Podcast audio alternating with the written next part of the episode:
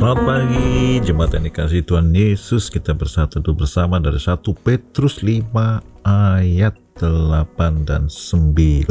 Hari-hari ini Tuhan mau kita berjaga-jaga. Sadarlah dan berjaga-jagalah lawanmu si iblis berjalan keliling sama seperti singa yang mengaum-ngaum dan mencari orang yang dapat ditelannya. Percaya atau tidak, belakangan ini banyak sekali orang yang mengalami masalah, sakit, penyakit, persoalan ini dan itu. Kita mendengar kabar Omikron memuncak di bulan Februari. Kadang-kadang orang ketika melihat segala sesuatu sudah mulai menurun, gejala COVID menurun, lupa berjaga-jaga sehingga justru saat itulah seluruh dunia mengalami kenaikan orang yang terjangkit dengan penyakit itu. Firman Tuhan katakan Iblis tidak pernah tidur, dia berjalan keliling seperti singa yang mengaum-ngaum dan mencari orang untuk ditelan.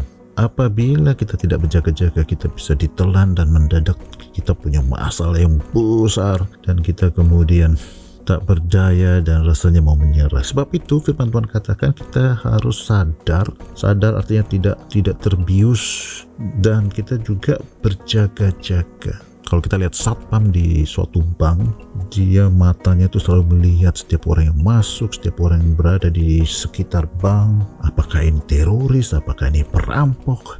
Dia tidak pernah lengah ataupun santai tapi matanya harus berjaga-jaga. Hari-hari ini kita perlu berjaga-jaga dan tidak lengah dan kita mengamati yang kita amati mungkin berbeda dengan yang diamat-amati oleh satpam. Tapi kita melihat situasi yang ada keadaan situasi rohani kita ya apa yang ada di sekeliling kita.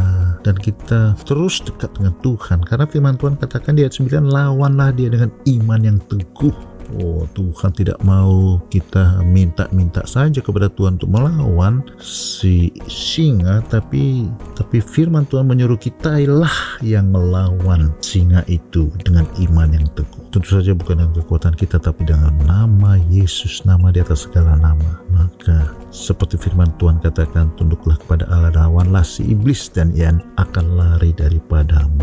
Amin. Mari kita berjaga-jaga dan percayalah tidak ada kuasa apa pun yang bisa berkuasa atas hidupmu. Amin.